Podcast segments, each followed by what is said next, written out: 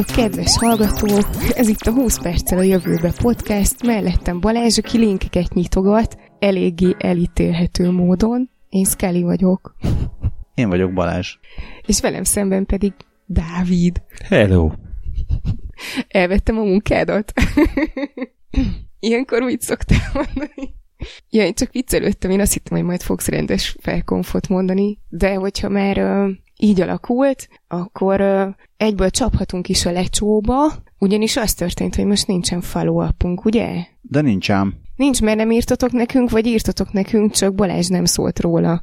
Most nem írtatok nekünk follow úgyhogy most szabadon mehetünk előre. Ja, illetve egy, egy nagyon-nagyon fontos dolog történt. A gépségszalonon kaptunk egy kedves kommentet a Bruti nevű humoristától, hogy csak így tovább, vagy hajrá, vagy nyomjuk, vagy nem is tudom, de nagyon-nagyon biztató volt, és örültünk neki.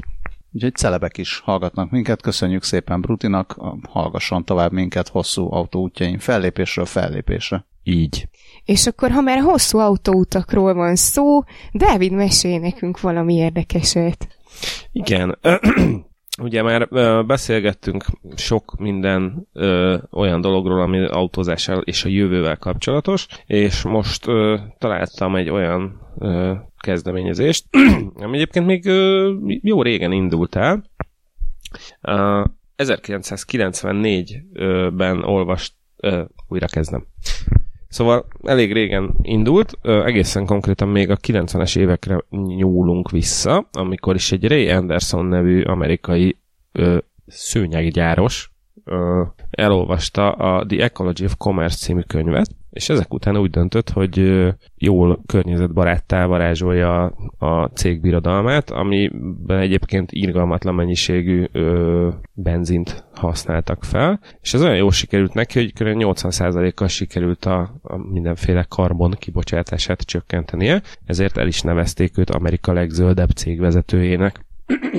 és akkor ezek után... Bizonyíték a gyík emberek létezésére. Igen. Igen.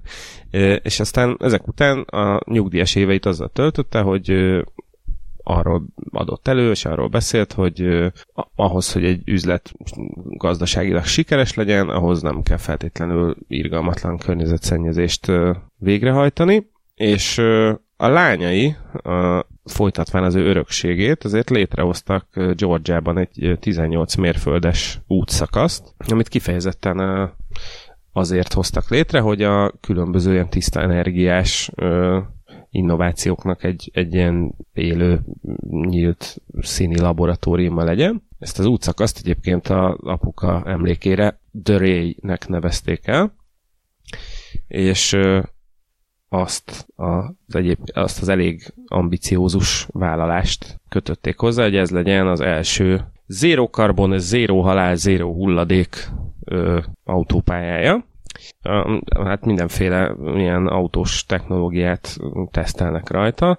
Például a, igen, azt mondta Harriet Langford, Ray Anderson lánya, aki az elnöke a, ennek a laboratóriumnak, hogy nem nem egyszerűen arról van szó, hogy tele nyomják az út szélét napelemekkel, és akkor el nem azt mondják róla, hogy ez itt zöld, azt jó estét kívánok, hanem például az út felület maga, az ilyen szuper vékony, szuper, vagy nagyon erős csúszásgátló napelem panelekből áll, ami már önmagában ugye energiát generál, és ezt egy kifejezetten ezzel az energiával üzemelő töltőállomáson lehet használni, ott szépen fel lehet tölteni 45 perc alatt az elektromos autókat, de van például egy olyan ö, része is, ahol rá, rá lehet hajtani négy ilyen, hát ilyen csatornafedőszerű cuccra, amik érzékelik az autó kerekében a guminyomást, sőt, még a, azt, is meg, azt is tudják érzékelni, hogy milyen a guminak a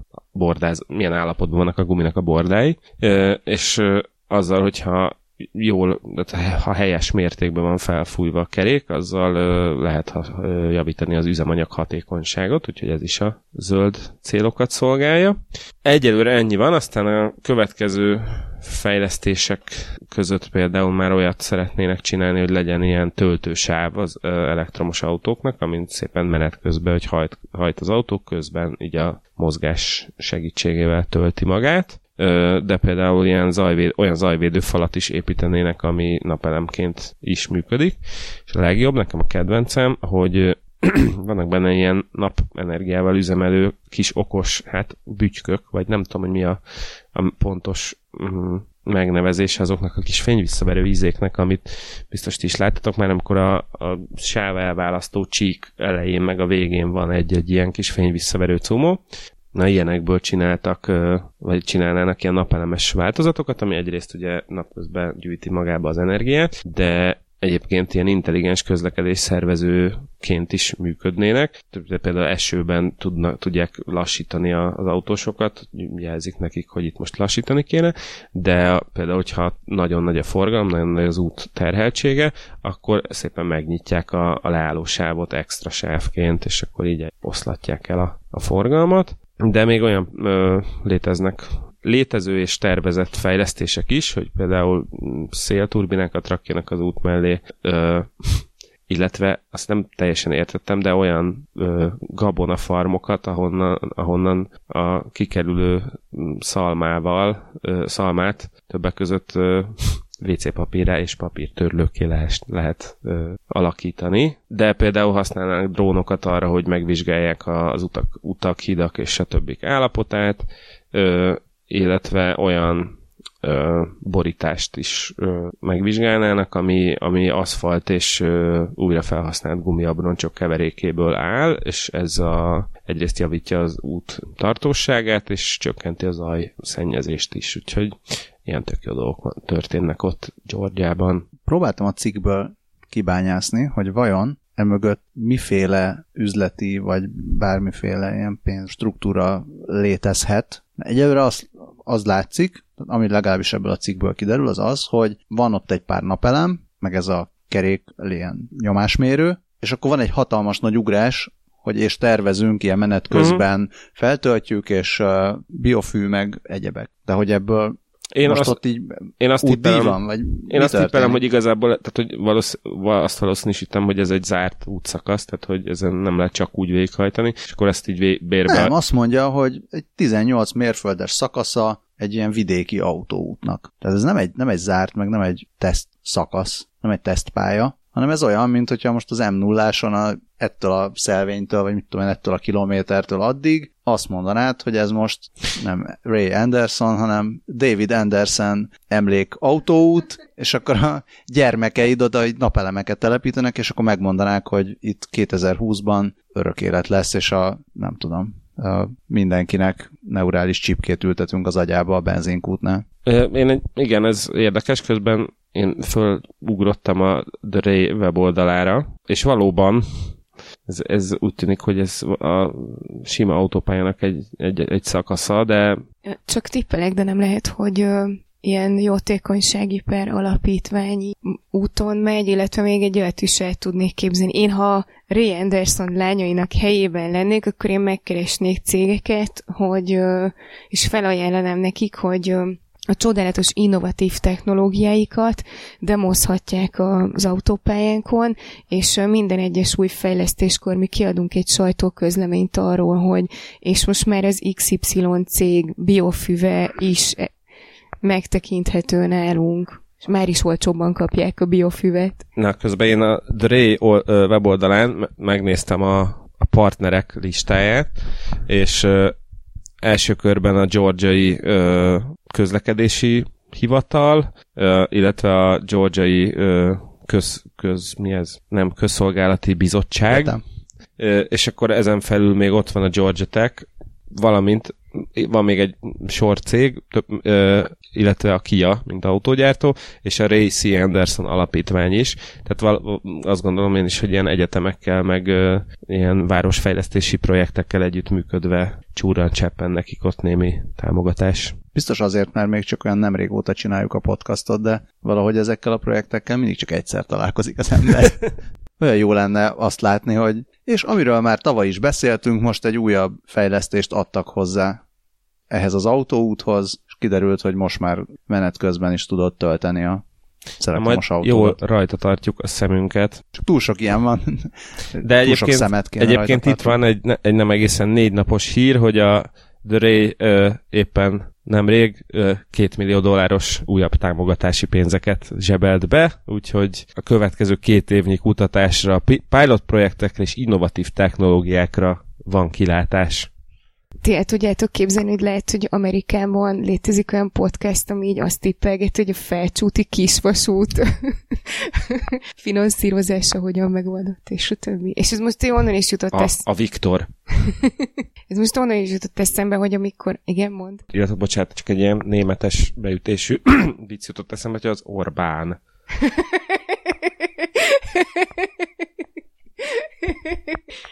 Orbán szájjal jönnek már ezek a poénok. Ö, még, még amikor a, az, a georgiai köz, köz zét kerested, akkor az jutott eszembe, hogy a georgiai köz Orbán. A durvul a kampány.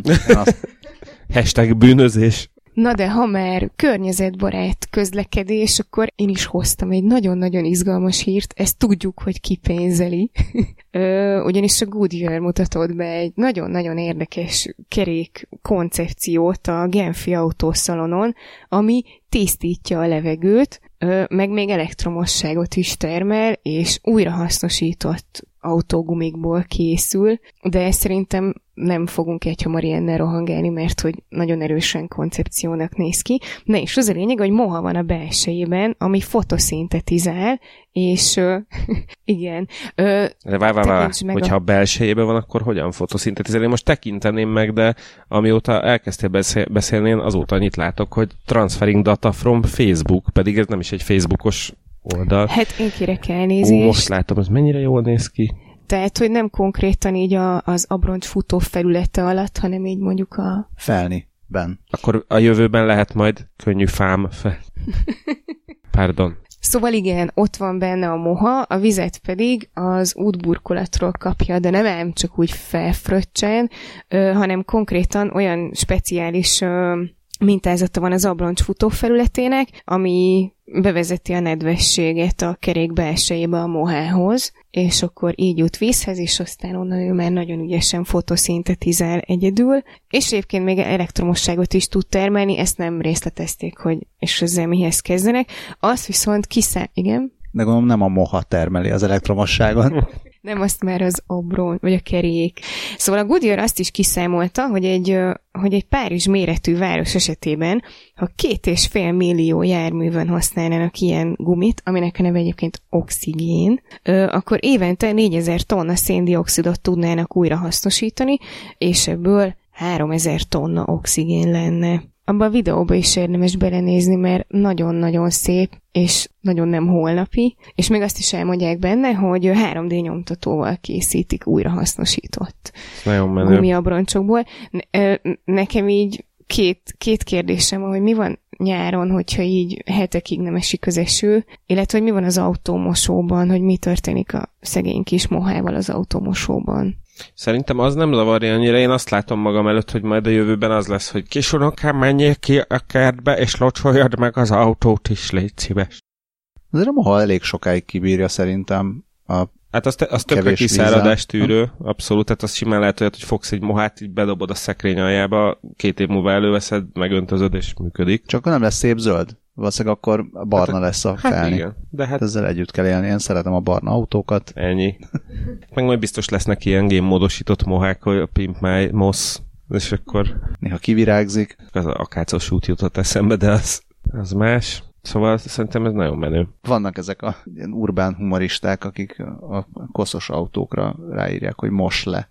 Ó, na majd. Ezt, mossz le. Ezt, ezt így ezen a... Itt, itt hallottátok először a Goodyearnek, meg majd eladjuk kampányba. És beajánljuk reklámarcnak két most. Ezen az autón négy mosz van. nem most nem szoroz. És akkor automosszóba viszik. Na de mi történik? Ha elromlik egy akár ilyen autó, akár bármilyen más okos autót. Ti gondolkoztatok már azon, hogyha egy önvezető autó meghibásodik, akkor az hogy jut el a szervizbe? Hát eljön érte a sárga angyal autója. De a Ford kitalált egy sokkal jobbat. Elsőre tökre menően hangzott a cím, hogy, a, ö, hogy drón szállítaná a szervizbe a meghibásodott autót, és én már is képzeltem, pláne egy a kép alapján, ahol így a, az autónak a tetején ott van a drón, hogy majd így felemeli és elrepíti de sajnos nem, hanem csak így rászáll, rá csatlakozik az autó rendszerére, és gyakorlatilag a, a, az esetlegesen elromlott funkciókat pótolja, mert hogyha mondjuk a kamerája vagy a radarja megy tönkre az önvezető autónak, akkor, akkor kicsit nehezen tud magától elmenni a szervizbe, de akkor a drón az majd így elviszi, mert a szeme és füle lesz helyette. Tehát akkor, ha jól értem, akkor kell majd az összes autóra egy szabványos csatlakozó, ami ezt lehetővé teszi. Most már van szabványos csatlakozó az autókon. Szerintem pont azt akartam mondani, nem is kell igazából drón. Tehát ehhez nem kell, nem kell feltétlenül egy drón. Simán elegendő egy külön eszköz, ami meg tudja oldani a navigációt, na de, meg hogy, a szenzálást. Na de milyen csatlakozó van már most az Hát, autókon? USB, bármi hasonló. Na jó, de ez benne van az autóban, most hogyha a tetejére száll az, a drón, akkor be kell törnie hozzá az ablakot, hogy ez meg tudja, hogy hozzáférjen. Ja, de ezeket már ki lehet vezetni, tehát most különösebben. Nem, azt nem tudom, hogy miért kell ehhez drón. Azért, hogy oda Hát tudjon oda menni. tudjon menni a bárhova, gondolom. De lehet, hogy te is ott vagy az autónál, és akkor csak van nálad egy, mint hogyha lenne egy ilyen kis, nem tudom, extra töltő a telóhoz, vagy ilyen battery pack, és akkor rárakod a service packet a kocsira. Na de ha már az önvezető autókról beszélgetünk, akkor lerobban az önvezető autód, akkor te igényelsz egy, egy másikat, amivel tudod folytatni az utadat, azt ott hagyod a vérbe az út szélén, és azt valahol el kell onnan menjen, akkor elküldik érte a drónt. Hát lehet, hogy eleve a csereautóban lesz egy drón, Hmm. Tehát igen, ha végül, ha már oda megy egy csereautó, az akár el is vihetné. De nem értem, hogy miért mondtad a battery packet, hát két perccel ezelőtt megbeszéltétek, hogy ez nem jó a battery. Egyébként a, ö, itt a Bitport, ahol megjelent a cikk a Ford szabrányáról, ö, ők is egy kicsit így elgondolkoztak rajta, és ők nem a csatlakozón ö, problémáztak, hanem, hanem azon, hogy, ö, hogy a rögzítést hogy oldják meg az autón. Tehát, hogy nem is csatlakozó kell, hanem mit tudom én, valami dokkoló, vagy bármilyen be, beakaszthatja a drónak is lábacskáit, vagy valamieit. Meg, hogy egyébként lehet, hogy drágább a drón, mint egy sárga angyal. Hát most még. Hát igen, csak levédette a szabadalmat a Ford. Ja, meg, meg, meg azt is írták, hogy azért ugye a drón se repülhet bárhová, vannak ilyen repüléstilalmi zónák, meg még mindenféle szabályozások, úgyhogy ezen még több dolgot át kell gondolni, de Én már természetesen azon gondolkodom, hogy hogy lehet majd ebből ilyen üzlet- üzletet csinálni, hogy a, kirakod a csali autót, begyűjtesz 5-10 drónt, és ha még savval is leöntod, akkor hipodrón. Ez már három perccel eszembe jutott, és annyira vártam, hogy Na ez most kimarta az agyamat. és a vegyész hallgatók jelentkezzenek, hogy a hipó az sav vagy lúg. Jó, hát ennyit még mindenre nem tudok figyelni, amikor szóviccekhez keresek már. körítést. Kedves hallgatók, egy kis türelmet kérek, amíg Balázs, Balázs rákeres és beéget, hogy milyen hülyeséget mondtam egy szóvic kapcsán. Annyira hülye vagyok, hogy vihettek is a hipót mezőre, mi?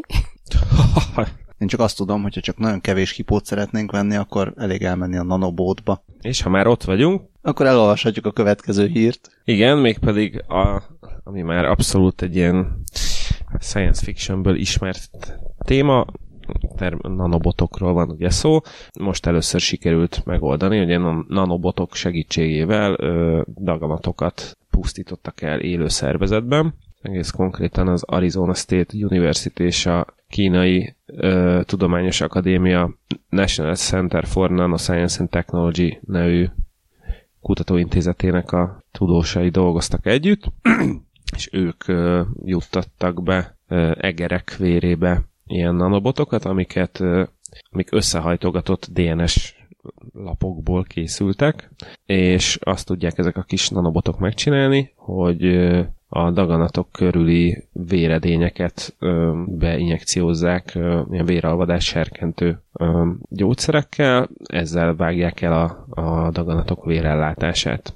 Februárban jelent meg a, ezzel kapcsolatos kutatásra egy beszámoló a Nature Biotechnology Nature Biotechnology-ban, és abban azt írják, hogy sikeres volt ez a, ez a kísérlet, sikerült a daganatokat összezsugorítani és meggátolni a terjedésüket. Annyit kell egy kicsit pontosítani a dolgon, hogy amikor nanobotról beszélünk, akkor valójában nem robotokról van szó a szó klasszikus érter, értelmében, mert nincsenek benne motorok, csipek, kamerák vagy hasonlók. Ezek ilyen 0,1 és 10 mikrométer közötti méretű ilyen kis struktúrák, jellemzően valamilyen DNS jellegű molekulákból állnak, és a legnagyobb előnyük, hogy ö, ilyen nagyon pici dózisban nagyon nagy precizitással tudják eljuttatni a gyógyszereket a rendeltetési helyükre, ha, már, ha már ott vannak a közelben. Ugyanis a, a széles körül, illetve az emberi felhasználás egyik gátja az, hogy egyelőre azt még nem tudják pontosan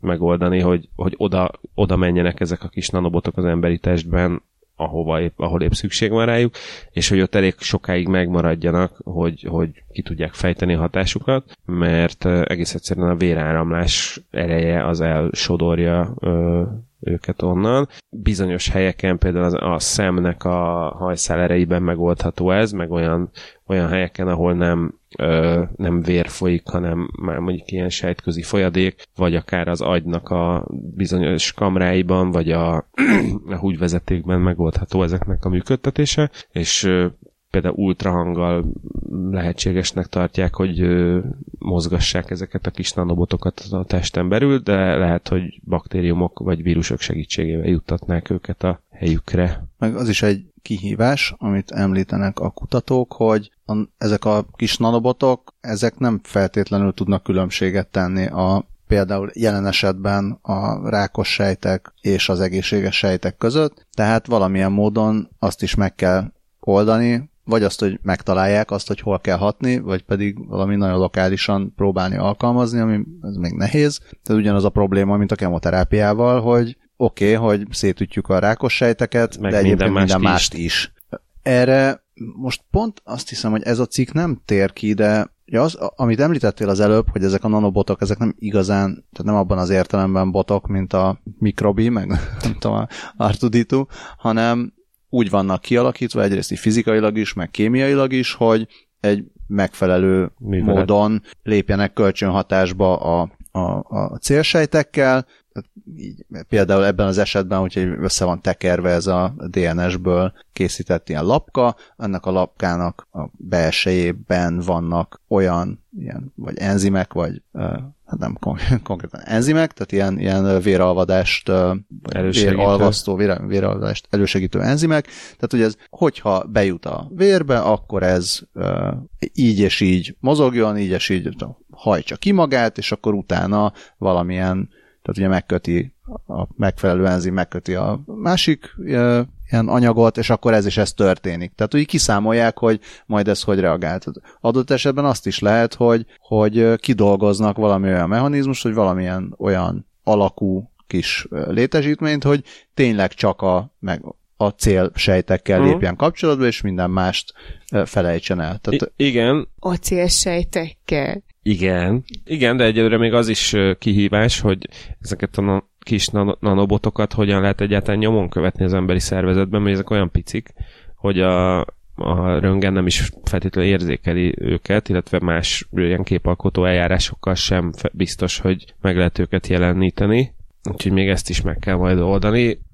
E, e, ez, ezt is nagyon komoly kihívásnak nevezte Richard Diller, aki illetve bocsánat, Eric Diller, bocsánat, aki a kutatócsoport egyik tagja volt. De valószínűleg ezen a téren lesz előrelépés, mert a Grandview Research adatai szerint az úgynevezett nanomedicine piac, az egy irgalmatlanul profitábilis szektor. 2016-ban 138,8 milliárd dollárnyi pénz forgott ott, úgyhogy valószínűleg ott még lesz némi befektetés és az még egy jelentős kritika a tudományterület irányába, hogy egy csomó területen, mint például a elhízás, cukorbetegség és egyebek, ott a nanobotok területének a, a kutatása az annyira annyira drága, tehát annyira ilyen költséges uh-huh. maga a kutatás is, meg hogyha bármit kifejlesztenének, akkor a, a kezelés is ö, nagyon költséges lenne. Az egyéb jelenleg is folyó kutatásokhoz képest, hogy ilyen pazarlásnak, vagy pénzkidobásnak tekintik. Igen. Tehát, hogy nem azt, nem azt akarják, hogy a nanobotokkal meg lehessen oldani olyan problémákat, amiket jelenleg is meg lehet oldani sebészettel, vagy bármi egyébben, hanem hogy új jellegű problémákat tudjanak ezzel uh-huh. kezelni. Igen, azt is írják itt a cikkben, hogy a, a Stanford ö, orvosi karának a kutatásából az is kiderült, hogy például a, a, a rendes nagy robotok használata. A szokásos. A szokásos, a hétköznapi robotok. A hagyományos robotok a Persilhez képest. Szóval, hogy azt talált ez a kutatás, hogy, hogy a robotok assziszt, robot asszisztensek használatával végzett ö, vese ö, műtét sokkal többe került, mint egy sima, sima sebészeti, mint egy sima műtét, ö, viszont nem produkált jobb eredményeket hogy van ez, ebből hány lélegeztetőgépet lehetne venni. Azt is lehetne mondani, hogy jó, jó a nanobotok, de meg lehet-e őket enni. Ebből hány lélegeztetőgépet lehetne enni? Igen, mert... Szóval hogy miért nem gyártanak olyan robotokat, amiket meg lehet enni? Örülök, hogy feltetted kérdezte, a kérdést. Kérdezte senki. Örülök, Soha. Örülök, hogy feltetted a kérdést, ugyanis már léteznek ehető robotok. Természetesen ez csak egy művészeti projekt keretében. Erika Martins nevű hölgy kombinálta a technológiát az élelmiszerekkel, és háromféle úgynevezett augmented dessertet készítette el, buzzwordök, buzzwordök mindenfelé. Ebből az egyik az egy csokoládéből készült hanglemez, a másik az egy ilyen zselatinszerű cucc, ami ficánkol, mint egy, mint egy polipnak a csápja. És harmadik, ebben a kedvencem, az egy olyan spéci nyalóka, ami első ránézésre ilyen átlátszónak tűnik, de illetve hát átlátszó is, csak az a trükk benne, hogyha jól esik rá a fény, akkor egy üzenetet vetít ki a falra. Ö, nincsen bennük semmiféle elektronika, mármint hogy nyilván az ehető részükben, mert a, ezeket a ficánkoló csápszerű cumókat azért mozgatja valami, de például a csoki lemezen vannak barázdák, amit meg is lehet hallgatni, ilyen magas hangot ad ki, nem tudom, bejátszuk-e a kedves hallgatóknak, hogy majd mindenki nézze meg a videót a jegyzetben, és akkor meghallgatja magának. Mindenki játsza le a saját csoki lemezét, ami otthon van, ja, hiszen igen. minden háztartásban megtalálható. Minden tisztességes háztartásban. Ez ma már előfordul. Ezt a csápszerű cuccot, ezt, ezt sima zselatinnal hozták létre, és azt talán így felfújódik, vagy, vagy nem is tudom, hogy hogy, hogy változtatja az alakját. És a, az a nyalók legjobb, mert ott, ilyen, ott mindenféle algoritmust kellett használni, hogy kiszámolják, hogy pontosan hogy kell belevésni a Lumière szükré feliratot egyébként, hogyan kell belevésni a, a, fe, a felszínébe, hogy alapból ne legyen rá látható, csak hogyha megfelelő szögben éri a fény. Úgyhogy hát ennyit az ehető robotokról. De várj, várj, várj, és mi van, hogyha megeszed? Tehát, hogy ott itt történik Jó valami? Ne, ja. ne. Hát, hogy remélhetőleg nem eszed meg a, a nyalókának a pálcikáját, vagy ezeket a gum műanyag csöveket, amivel a levegőt pumpálják ezekbe a ficánkoló zselé izékbe, és akkor így megetted a desszertet. Ez sokkal izgalmasabban hangzott a cím alapján még soha nem láttam. Erőteljesen ilyen. próbáljuk, hogy próbáljuk kideríteni, hogy ez mitől robotik mindez. Hát mondjuk a, az a középső az, az, az olyan robotszerű, akár lehet is robotnak nevezni, főleg így a nanobot után, ami nem is igazából robot, de úgy hívják. A lemez az sem ennyire, meg a nyalóka se, ott inkább ez az augmented desert az, ami... Hát a nanobot az legalább annyiban bot, hogy idézőjelben hogy rá lehet támaszkodni a daganatok elleni harcban. Nem, de hogy valamiféleképpen programozod arra, hogy végrehajtson egy feladatot. Tehát lehet, hogy a, hát miért, úgy a veszünk, tér, akkor... térbeli szerkezetével programozod, de ez, ez nem hajt végre semmilyen feladatot, ez csak így Most, van. hogyha bele akarnék kötni ebbe, akkor mondhatnám, hogy a lemezre vágott barázdák azok is végül is egyfajta programozási eljárás során információt adnak át. De ne akarja beleköpni. Akkor az azt jelenti, hogy bármilyen hanglemez az robotnak nevezhető. Igen, de nem eszed meg őket. Ugye? Hát igen, itt valószínűleg itt a PRS-nek elsült a keze, aki erről írta. Az augmented dessert az olyan kevésbé megfogható, mint az ehető robot. Igen, mert még a robottal előállított kaja, az a, ja, ó, bocs, gyakorlatilag minden processzált food. Én tiltakozom, hogy ezek robotnak neveztessenek. Jó. Robot társadalom kivetni Én őket Megkövettem magukból. a kedves hallgatókat. Egyben a Seeker, a Discovery Channel fennhatósága alá tartozó Seeker szerkesztőire hárítom a felelősséget, aki, bocs, egyébként igen, igen, bocsánat, igen, ott ők robotikus desszertet írnak, igaz többes számban, ami még úgysem stimmel, szóval szenzációhajheszes történt, ezt én elismerem, de kétségtelenül látványosak ezek a dolgok. A videóban azt mondják, hogy ennél robotot desszertre? Nem mondják, hogy ez az, csak megkérdezték. Jogos. Hogyha igen, akkor sajnos rossz hírünk van, ugyanis. Na de ha ez nem tetszett, akkor van egy ennél sokkal robotabb robotom. Ne, egyébként azok, hogy tetszett, csak az elnevezés nem tetszik. Ja. Igen. Jó, szóval a, a következőnél Amúgy... ott nem abba fogtok belekötni, hogy robot.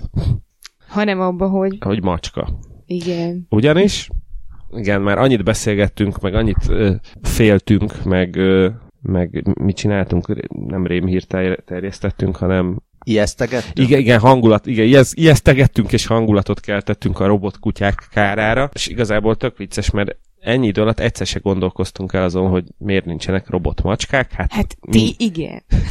ti nem. Na jó, de nem adtál hangot ennek. Na, de nem mindegy is, meg lehet nyugodni, nyugodni, mert most már van robotmacska is, amit a Dél-Kaliforniai Egyetem ö, egyetemen fejlesztették ki, a Cleo nevű robotmacskát, aminek az az irgalmatlan nagy speckója, hogy nem ám úgy mozogám, mint ezek a nagy kutyák, amik ott nyitogatják az ajtót, meg izé böködik őket mm, hokiütővel, meg ilyenek. Ö, lemerült a laptopom. Hol a töltőd? Hozom. Az Andersen Dávid alapítvány fel fogja találni a menet közben tölthető laptopot. Egyébként, amikor elkezdted a mondatot, hogy nem úgy mozognak, hogy nyitogatják az ajtót, arról így az jutott eszembe, hogy persze, hogy nem úgy mozognak, mert a macska az csak így oda megy és addig nyávog, amíg ki nem nyitod neki az ajtót. De miért? Ez nem igaz, hát azért csak kinyitogatják, nem? Hogyha... Nem tudom, nyom, zé, nyomert nagyon ritkán zárom ki bárhonnan, úgyhogy... De biztosan megtanulnám magától. De nem az van, hogy a macska oda megy, nyivákol, kiengeded, majd azonnal visszajön? De egyébként egész pontosan így lenne, ha kiengedném, de nincs kiengedve. Szóval amíg, amíg magához tér a a gépem, addig folytatom így adlib. Szóval hogy a Cleo, ez a robotmacska, az nem, nem ám csak úgy mozog, mint a, mint a nagy kutyák, hogy amik úgy mozognak, hogy beléjük van programozva, hogy így lépsz előre, így figyeled, hogy izé, mi van előtted, megnézed a radaroddal, stb. stb. hanem a Cleo-nak a, hát végül is az agya, az egy olyan, olyan rendszer, amivel gyakorlatilag az emberi gerincvelő működését akarják ilyen visszafejtve szimulálni, és gyakorlatilag egy mesterséges idegrendszert akarnak neki létrehozni, ami a, de és a cikkben az van leírva, hogy amikor mi kimegyünk az utcára emberként és mozgunk, akkor nem úgy tesszük meg a lépéseket, hogy azt számoljuk, hogy milyen erővel ta- csapódik a talpunk a földhöz, és fölemeljük a lábunkat, és előre mozdítjuk 13,5 centit, majd letesszük újra, hanem úgy megyünk, és érezzük, hogy hogy mozgunk. Na és ezt akarják a Cleóval is reprodukálni. Szegényke egyelőre még elég ö, elég kis ügyetlenül mozog, így igazából ilyen, csak ilyen nagyon bizonytalan imbolygó előre e, egy-két lépést tud megtenni, de ezek olyan lépések, amiket ő így kvázi magától fejlesztett ki, magától jött rá, hogy, ö, hogy hogy kell ezeket megtenni. Az elején van egy, ö, egy robot új, ami, ami mindig arra fele mutat, amerre egy kék színű tárgyat mozgatnak előtte. És ez, ez az egyetlen dolog, amit megadtak neki, hogy ő mindig oda akarjon menni, ahol a kék szín van. Zárójelbe jegyzem meg, hogy ebből azért nagyon megnézném a Black Mirror-os különkiadást, hogy mi van, amikor elszabadul a kék. Igen, nekem is abszolút ez jutott eszembe, hogy, hogy innen megy csak néhány lépés a bélyeggyűjtő robot. Úgyhogy ne fogadjuk meg az Airi Mafia jó tanácsát, és ne basszuk fel a kéket. Na a lényeg az, hogy ez a, ez a lelke a, a Cleónak, és ilyen szimul, szimulált neuronokkal működik, és uh, Terry Sanger, aki a, az, a USC uh, biomedical mérnöke, az mi magyarul? Hát biomérnöke, kicsit általánosítunk. Uh, annyit tud, hogy a, a neuronok uh, a, ez, az izmokban, most itt mutogatom a légidézőjeleket, uh, izmokat el tudják mozdítani balra, jobbra, fel vagy lefelé, uh, és ezen felül annyit tud a robot, hogy hogyha meglátja a kéket, akkor arra, arra indul el, és ezzel igazából arra akarják serkenteni, hogy szépen megtanulja a mozgást e, felépíteni ilyen apró elemekből. A legelső kérdésem, pláne miután megnéztem ezt a videót, és láttam, hogy szerencsétlen Cleo támolyog, de még azt is csak ilyen lassan, meg egészen bizonytalanul. Uh-huh. Egy centi per óra sebességgel, hogy vajon miért, miért jó az, mi abban a jó, hogy nem eleve egy jól mozgó valamit szeretnének csinálni, hanem megpróbálják mindenképpen azt elérni, hogy a, az emlősök vagy az állatok mozgási rendszerét szimulálják a robotban, és tök jó, hogy meg is válaszolja ezt a kérdést, már veszed a levegőt, de, uh-huh. de ezt akarom mondani, hogy, hogy ő megválaszolja, tehát azt, azt szeretnék, hogy ne kelljen a ember, vagy akár állatszinten ilyen alacsony szintű mozgásokat, uh-huh. mint akár a járás, külön-külön algoritmusokkal, vagy, vagy ilyen bonyolultabb programokkal megtanítani, hanem hozzanak létre egy olyan rendszert, amiben bebizonyította, hogy, hogy viszonylag gyorsan képes ezeket a szervezetnek megtanítani uh-huh. ezeket a különböző mozgásformákat. Igen. Nem biztos, hogy részt ez, a... ez így nagyon előnyös, vagy ez nem biztos, hogy ez egy jó, meg sikeres út lesz, de mindenképpen egy érdekes megközelítés. Részt vett ebben a projektben egy Francisco Valero Cuevas nevű úriember is, aki a Wired-nek nyilatkozva azt mondta, hogy sokan azt a kérdést teszik fel, hogy hol van ebben itt a, a mesterséges intelligencia, vagy hogy hol van ebben az intelligencia, és hogy pont az a, az a lényeg, hogy itt nincs ilyenről szó, itt igazából ilyen fajék, egy, most fajék, szóval ilyen szilícium ék egyszerűségű kicsi rész, részek dolgoznak saját magukban, de amikor ez összeáll egy rendszerré, akkor, akkor sokkal összetettebb feladatokra képesek, és ő is ezt mondja, hogy meg a Wired is ezt írja, hogy egy egyetlen ideg sejt semmire nem jó, vagy nem sok mindenre jó, de hogyha már egy teljes hálózatot ezek kialakítanak, akkor, akkor nagyon összetett dolgokat meg tudnak csinálni, és még azt is mondják, hogy például az emberi gerincvelő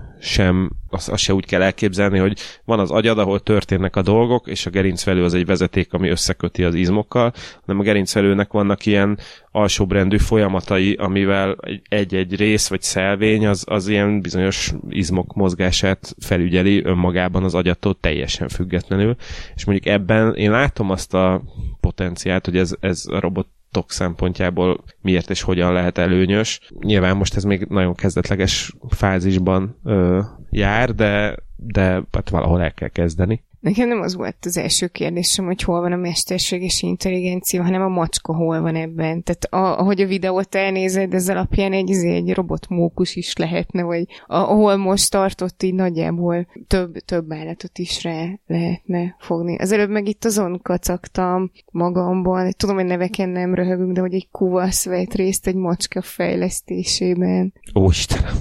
Cuevas. Szerintem azért, azért hívják ezt macskának, mert ha jól láttam, akkor a tudósok csapatának valahol van egy macskája. Tehát nem tudom, hogy melyik, melyiküknek, de itt később a videó végén látunk egy élő macskát, akit szintén más, máshogy leírva, de szintén így Cleo, Cleónak vagy Cleónak hívnak. Tehát szerintem csak ennyi, ennyi lehet, hogy lehet, hogy a, a Google fejlesztőinél kutyások dolgoztak főleg.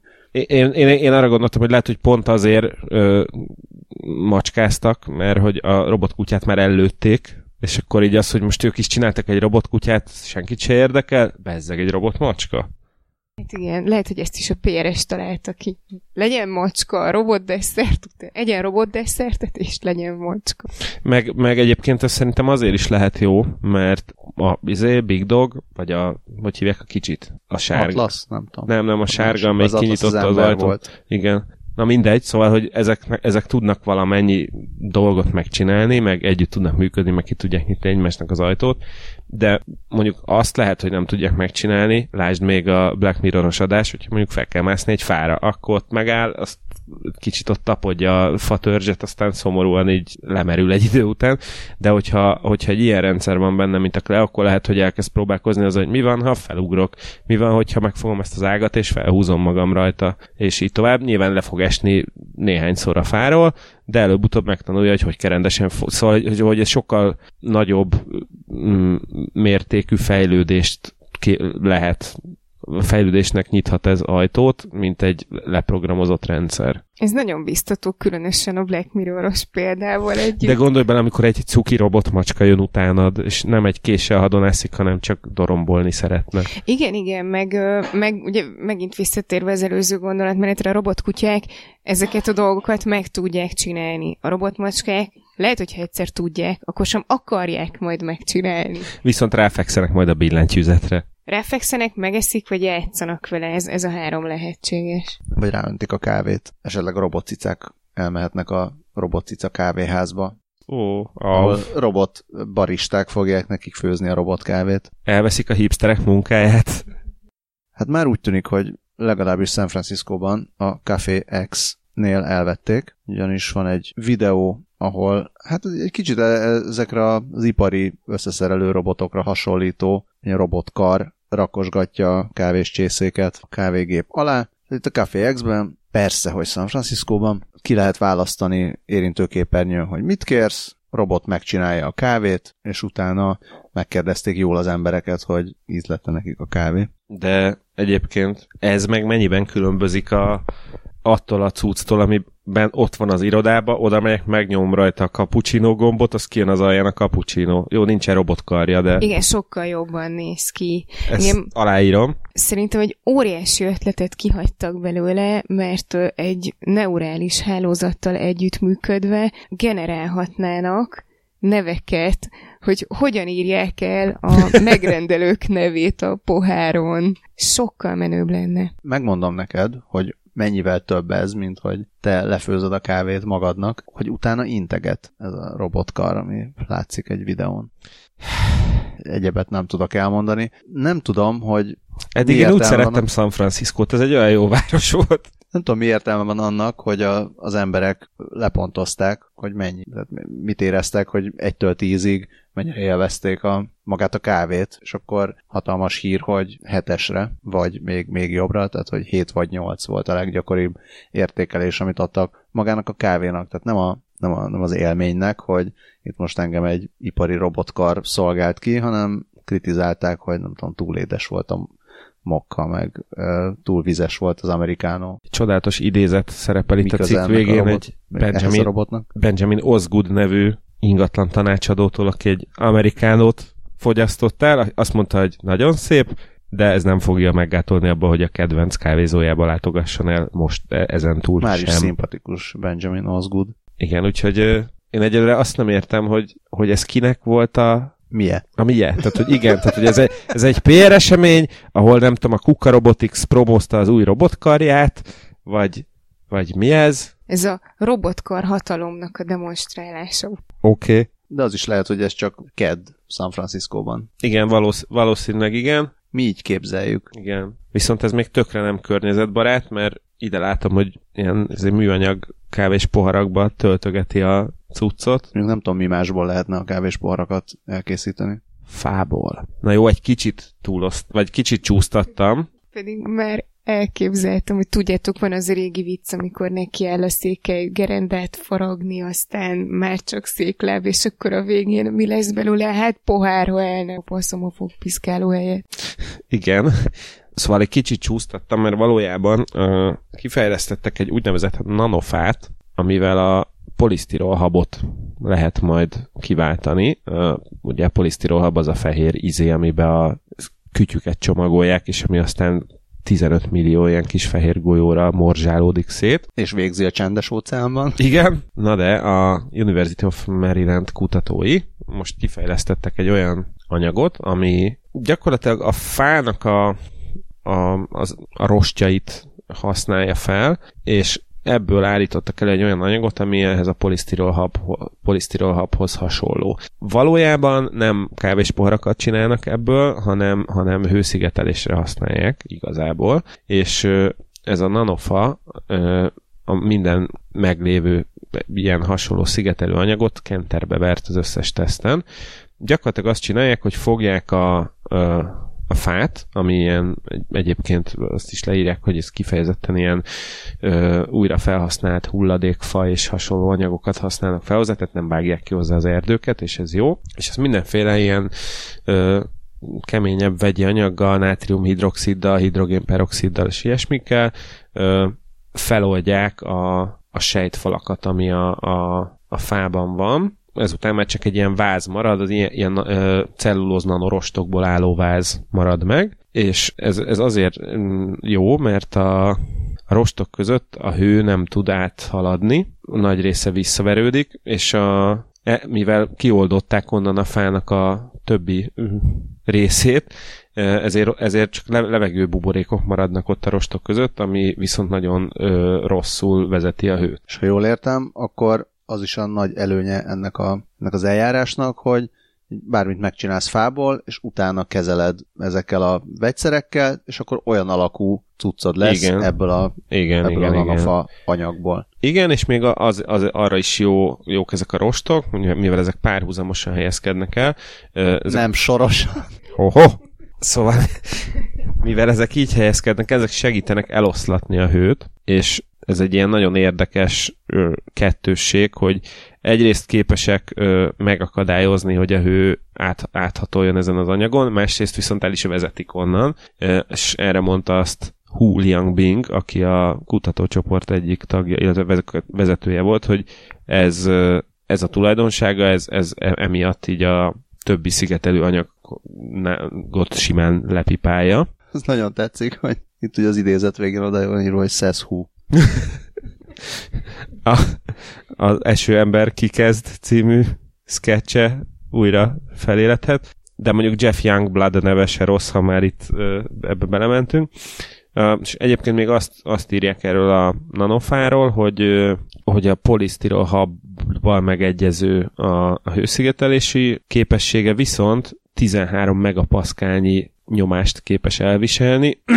Ez valamiért fontosnak tartotta a New Scientist szerkesztője leírni, hogy ez körülbelül 2000 uh, font per négyzetincsnek felel meg. Mindenkinek kellemes fejszámolást Most kívánok. Gyorsan a font per négyzetüvelyket minden hallgató számolja át. Nem tudom, kilogram per négyzetcentiméterben, vagy gram per az, valami? A, kilogram per az, az, az méter? Gra, gram per méter lesz, igen, szerintem. Vagy... Nem jó a kilogram per négyzetcentiméter? Ja, de jó egyébként, csak biztos, hogy nem az az esi mértékegység. Hú, mit kapunk majd a... Elviszem én a balhét a hippóval. Az e- esi az a, az a Pascal, nem? Igen. Két bölcsész és egy matematikus beszélget, azt ismeritek. És azon szoktatok gondolkozni, hogy hogyan üvölthet a nanofába szorult féreg. Nagyon halkan. Od- odaig eljutottunk már, hogy, tehát, hogy összefoglalom, azt mondtad, hogy gyakorlatilag bármit lehet belőle csinálni, akkor miért kávéspoharat csinálnak belőle? Nem csinálnak belőle kávéspoharat, ezt is elmondta Dávid. Na, jó, jó, jó, bocs, még nem, az előző. De csinálhatnának? De a bármit csináláshoz egy másik eszközre lesz szükség. Na, mesé, mi, mi kell, hogy kell bármit csinálni? Így.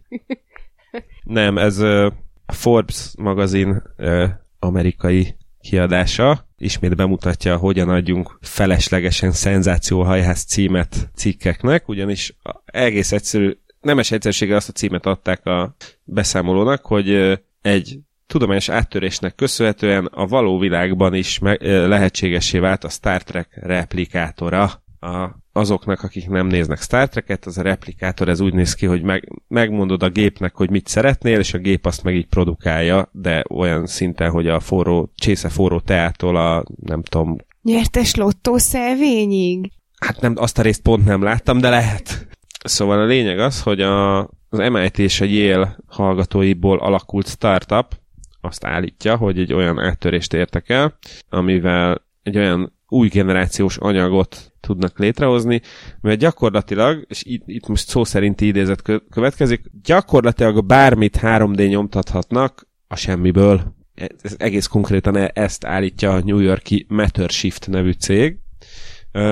Valójában pedig arról van szó, hogy egy olyan módszert dolgoztak ki, aminek a segítségével nagy mennyiségben tudnak szén nanocső membránokat létrehozni. Amit tök jó dolog, mert a szén nanocső az tényleg egy ilyen tudományos csoda, egy csomó mindenre lehet használni, nagyon könnyű, irgalmatlan erős, vezeti az áramot, tarara, tarara, tarara.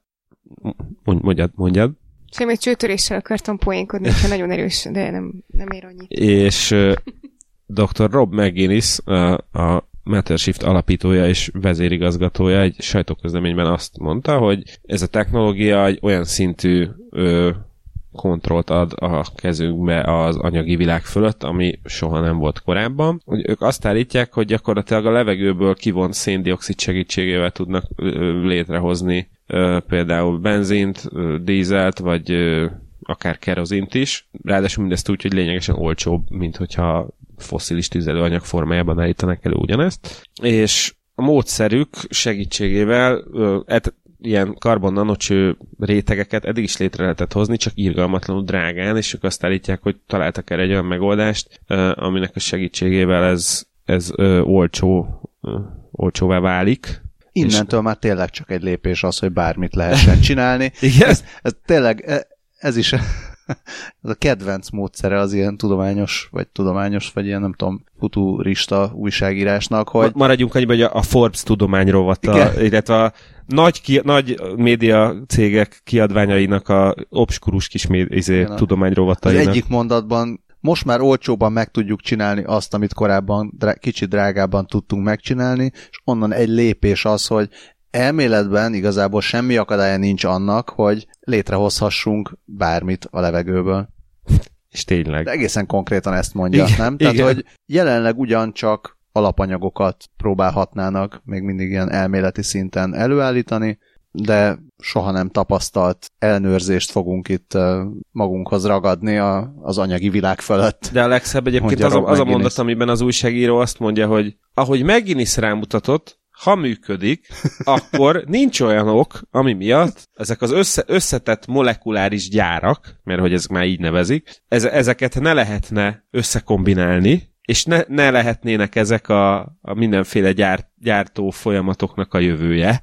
És igen, talán egyszer, valamikor még az is lehetségessé válik, hogy egy csésze teát állítsanak elő a levegőből. Úgyhogy egy csúsztatás level végtelen, de mondjuk ettől függetlenül a Mattershiftnek a, a fejlesztése tényleg tök jó, és tényleg tök fontos, és nagyon kíváncsi vagyok, hogy, hogy ez a gyakorlatilag amit ők tudnak, az, az arról szól, hogy el tudnak különíteni, és kombinálni tudnak különböző molekulákat, és ennek a segítségével tudnak nyersanyagokat létrehozni.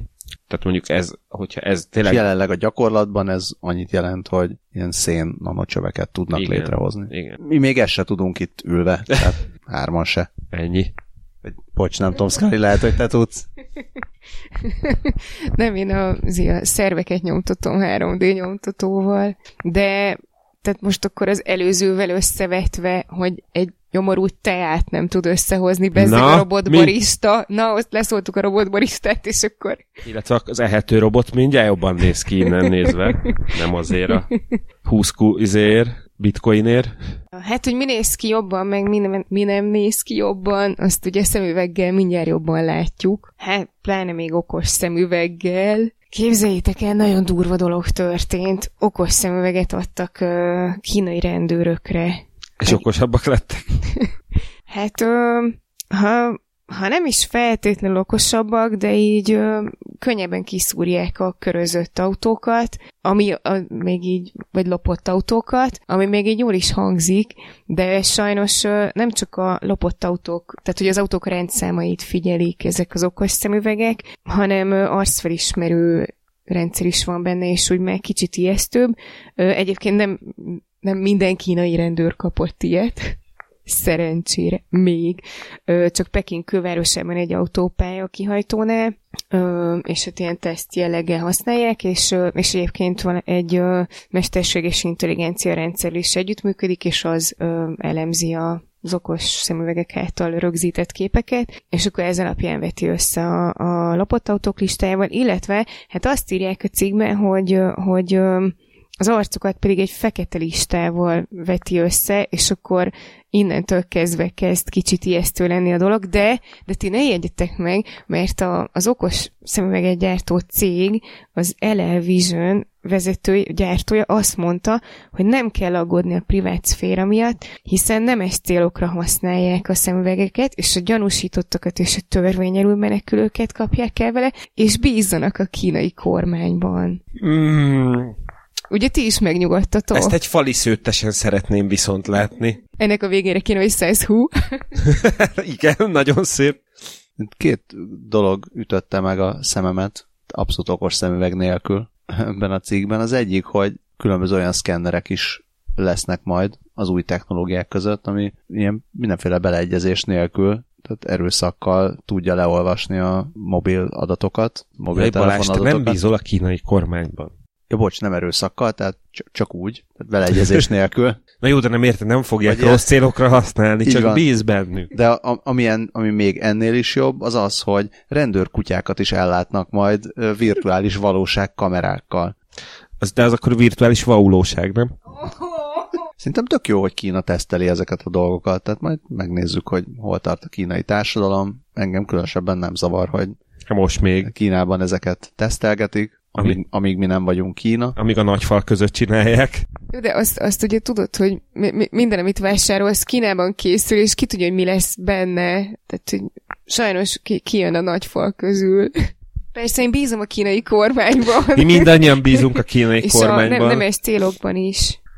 És majd a kínai VR szemüveges kutyák megküzdenek a robotkutyákkal. Na, hát mondjuk azt nézném. Természetesen csak filmen, ahol... Meghirdették a Black Mirror 5. évadját, tehát lehet, hogy valami ilyesmi is lesz. Black Mirror 3D. És ha robotbéka lesz, akkor az a Black Mirror.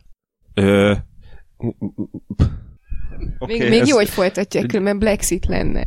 egy, egy kis késletetésre jutott el hozzám. Csak már azért fagytam le egyébként, mert közben így, itt, itt nekem meg azt szúrta meg a szememet, hogy a, a kínai kormánynak egyébként van egy Skynet nevezetű rendszere, ami úgy nagyjából két másodperc alatt bárkinek az arcát összeveti a nemzeti fekete listával. De Kína jó biztos te mást jelent a Skynet. Ugye? Meg szerintem hogy beszéltünk is már erről. Ö, volt, Tán. igen, volt, volt szó ilyesmiről, igen. Szintén volt szó ilyesmiről, a következő hír kapcsán merült fel.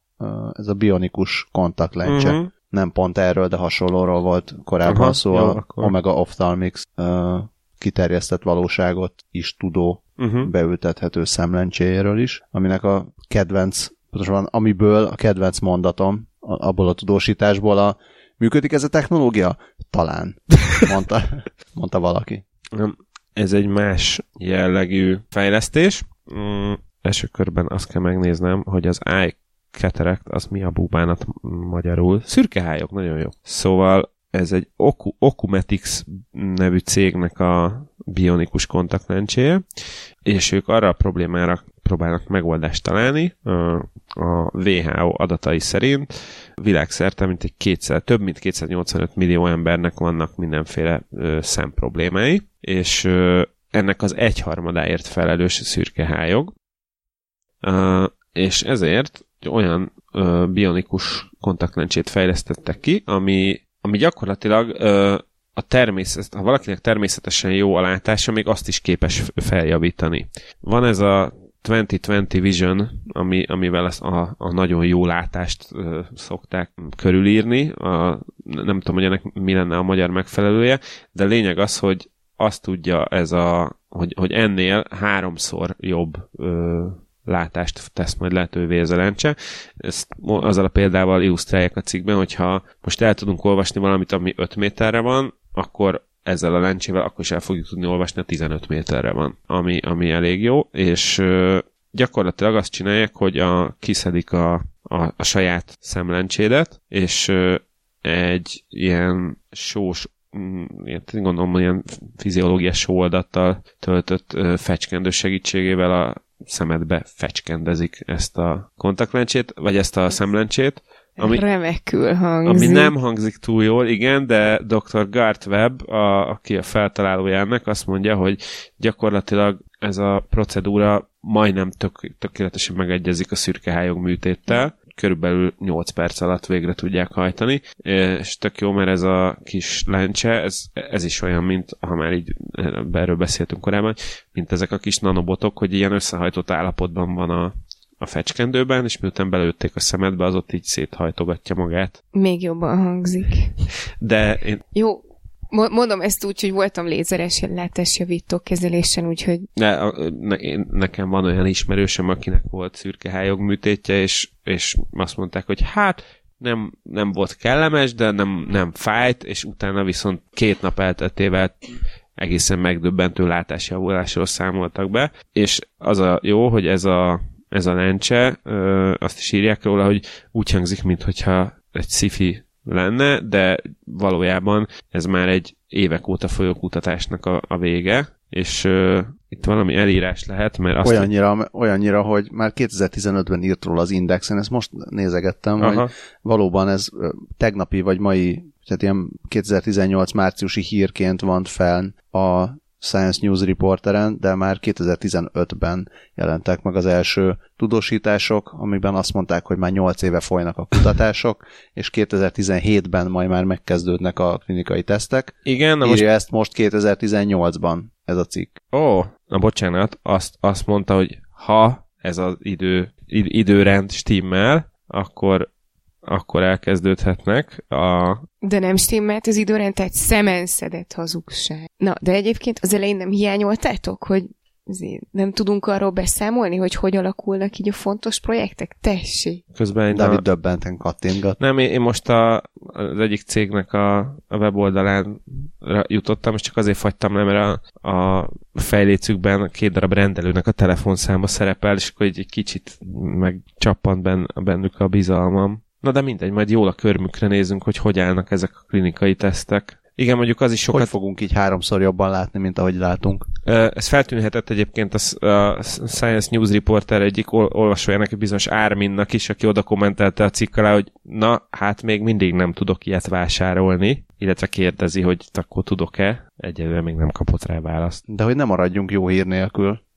a műsor vége felé. Örömmel tájékoztatom a kedves hallgatókat, hogy ugyan a Csernobili atomkatasztrófa helyszínére a következő években azért nem a legbiztonságosabb lesz látogatni, továbbra sem, de mégiscsak jó dolgokat hajthatnak végre ezen a területen az ukránok, ugyanis elképzelhető, hogy a, az ország egyik legnagyobb napelem farmja lesz majd oda installálva. Tehát fura módon Csernobil lehet a, az ukrán fenntartható energiatermelés központja. Az, az nagyon szép lenne így ebben a formában. Én csak azt szeretném hogy Mindössze csak arról van Hova szó, tetted mondjad. a linket, Balázs?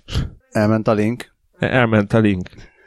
Mindjárt visszateszem a linket. Ez nem az. Ez a link nem akar oda kerülni. Tudom, mi történhetett. Na mi? Az, hogy nem, az, az történt, hogy két egészen pozitív hírt találtam a, a végére, és az egyik sugárzó jókedv van itt a stúdióban. Mindegy, vannak itt közepesen lehangoló képek Csernobilról, meg Pripyatról, és mesélnek arról, hogy milyen fejlesztések is zajlanak Ukrajnában. Hát, arról van szó, nem, nem igazán ilyen nagy varázslat az egész, van egy hatalmas nagy terület, amit másra igazából nem tudnak használni, mint arra, hogy odarakosgassanak napelemeket, és viszonylag kevesen járjanak arra felé. A mongol vadlovakat leszámítva. Igen, és Ukrajnában pedig sokat süt a nap. Michael Jurkovics, aki egy kanadai Refraction Asset Management nevű cég elnöke, aki végzi itt a, a napelemek elhelyezését, vagy a napelem panelek elhelyezését. Ő azt mondja, hogy Ukrajnában legalább annyira jó a nap,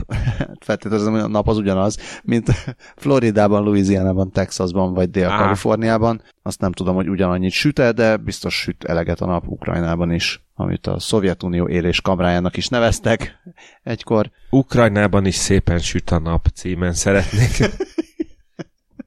Orosz realista stílusú regényt. Hát ez, örülünk annak. Viszont van egy olyan kép is, hogy hófötte napelemek Csernobilban. Már a képekért igazából érdemes végignézegetni ezt a cikket. Mondom, olyan hatalmas nagy technológiai hír nincsen, csak ez, hogy Na, milyen nagyon... Ö, jó értelemben ironikus hogy, hogy ez történik. Igen, igen, igen. Majd visszatérünk. És a másik pozitív hír, az pedig az, hogy ismételten valószínűsíthetjük, hogy örökké fogunk mi most már élni, de legalábbis a 20 perccel a jövőben hallgatói. Ugyanis képzeljétek el, hogy sikerült disznó agyat tartósítani, úgy, hogy a szinapszisok is éppen maradtak. Na, ez is, egy, ez is egy, egyébként legalább olyan fontos áttörés, mint a replikátoros marhaság esetében volt, de itt azért egyel kézzelfoghatóbbak a... Abszolút kézzelfogható olyannyira, hogy ez a projekt megnyerte az agytartósítási alapítvány díját. Civil szervezetem. Igen. Ilyen létezik, és ezt egész konkrétan az agytartósítási alapítvány honlapján olvashatjuk. A módszer az meglepő módon pofon egyszerű, ultragyors glutaraldehid fixációs módszerrel kombinálták a Ahogy a nagy is csinál. a rendkívül alacsony hőmérsékletű tárolást, és a kutatók így képesek voltak az agy teljes konnektómáját, ami, ami egyrészt nagyon jó szó, másrészt jelöli a, az agy mint egy 150 trillió szinaptikus kapcsolatából álló rendszert, amiről azt feltételezik, hogy ez kódolja mindazt a tudást, ami az ember vagy a disznó agyában van. Azt nem teljesen értem, azt, azt írják, hogy itt uh, akár évszázadokig is képesek megőrizni ezeket a kapcsolatokat, és ezt bizonyították a kutatók. Ezt nem tudom, hogy hogy bizonyították az évszázados tárolást, de, gratulálok nem csak, a nem, csak, nem csak ezt a fagyasztást, hanem az időgépet is kifejlesztették menet közben. Pont erre akartam utalni. De ha már megkaptam a mikrofont, akkor még elmondom, hogy megáll az ész. É, viszont én nagyon megörültem neki, hogy ez az agytartósító alapítvány weboldalán van ez a hír, ugyanis így azonnal be tudtam lájkolni az agytartósító alapítvány Facebook oldalát. Tegyetek ti is így, mert szegényeknek én vagyok a 871. lájkolója, úgyhogy rájuk fér a rájuk fér a támogatás, és egyébként feldobta a Facebook egy, az Immortal Life nevű Facebook oldal, úgyhogy lehet, hogy a titok végig, végig itt volt a szemünk előtt. Mondjuk azt, azt látom képzelni, hogy ezt a évszázados tartósítást ezt úgy képzelik el, hogy ha már egyszer sikerült lefagyasztani mínusz 135 fokra, Akkor az úgy is marad. majd visszamelegíteni, és a elektron mikroszkópos kép alatt azt látták, hogy ezek a neuron kapcsolatok megőrződtek, akkor azt feltételezik, hogy hát, hogyha most ezt nem kis idő után csinálják, hanem hosszú idő után csinálják, akkor, akkor ugyanaz mínusz 135 fokon már ott már nem történik semmi. Minusz 135 fokon van az örökké valóság. Valamint 220 felett. ott elhagyod az örökké valóságot. És itt felelős újságírással találkozhatunk, már amennyiben ez újságírás, nem tudom. Azt mondják, hogy itt nem arról van szó, hogy újjá élesztettek egy disznót, vagy akár disznó agyat, hanem csak arról, hogy, hogy a, a bomlást, a, a, a sejtek bomlását megállították pont. Igen, Tehát, ennyi. hogy uh, nem úgy van ám az, igen. hogy csak úgy föltámasztják a halott a disznókat. disznót, szegényt. Az külön vicces, hogy a, az agytartósító alapítvány weboldalán van egy népszerű posztok szekció. Valamint a hogyan segíthet. hát a hogyan segíthetsz? Egyes, a megosztás. Ez tudjuk támogatni mi is. Neked csak egy like, de nekik Én még azt, azt reméltem, hogy a hírhez kapcsolódóan mondott, hogy mi a legviccesebb, és akkor ez egy disznópoén lett volna. Viszont van itt egy csodálatos a kapcsolat menüpontjuk, ugyanis négy darab tétel található benne, ebből három érdekes. Versenyinformáció, műszaki vagy technikai információk, és van egy ilyen, hogy ajándékozási megkeresések, amit egy John Smart nevű embernek kell küldeni. Ö, G- és mindenkinek gmail-es címe Kivé, van. kivéve a médiásoknak, akik azért valószínűleg Aha. De hogy ajándék, ajándékba odaadod az agyad? Vagy, vagy hát mit, csak, mit adsz? vagy csak ajándékozol a adsz? Egy kutatóknak. disznót? Hát vagy akármit. Aha. Van, van pár kifogyott ruhám. Kérik? Vagy ha van pár liter glutaraldehided a hűtőben. Ja, igen, azt izé, az, múltkor dupla adagot hozott a Tesco házhoz szállítás, képzeljétek. Ennyi volt a mostanra.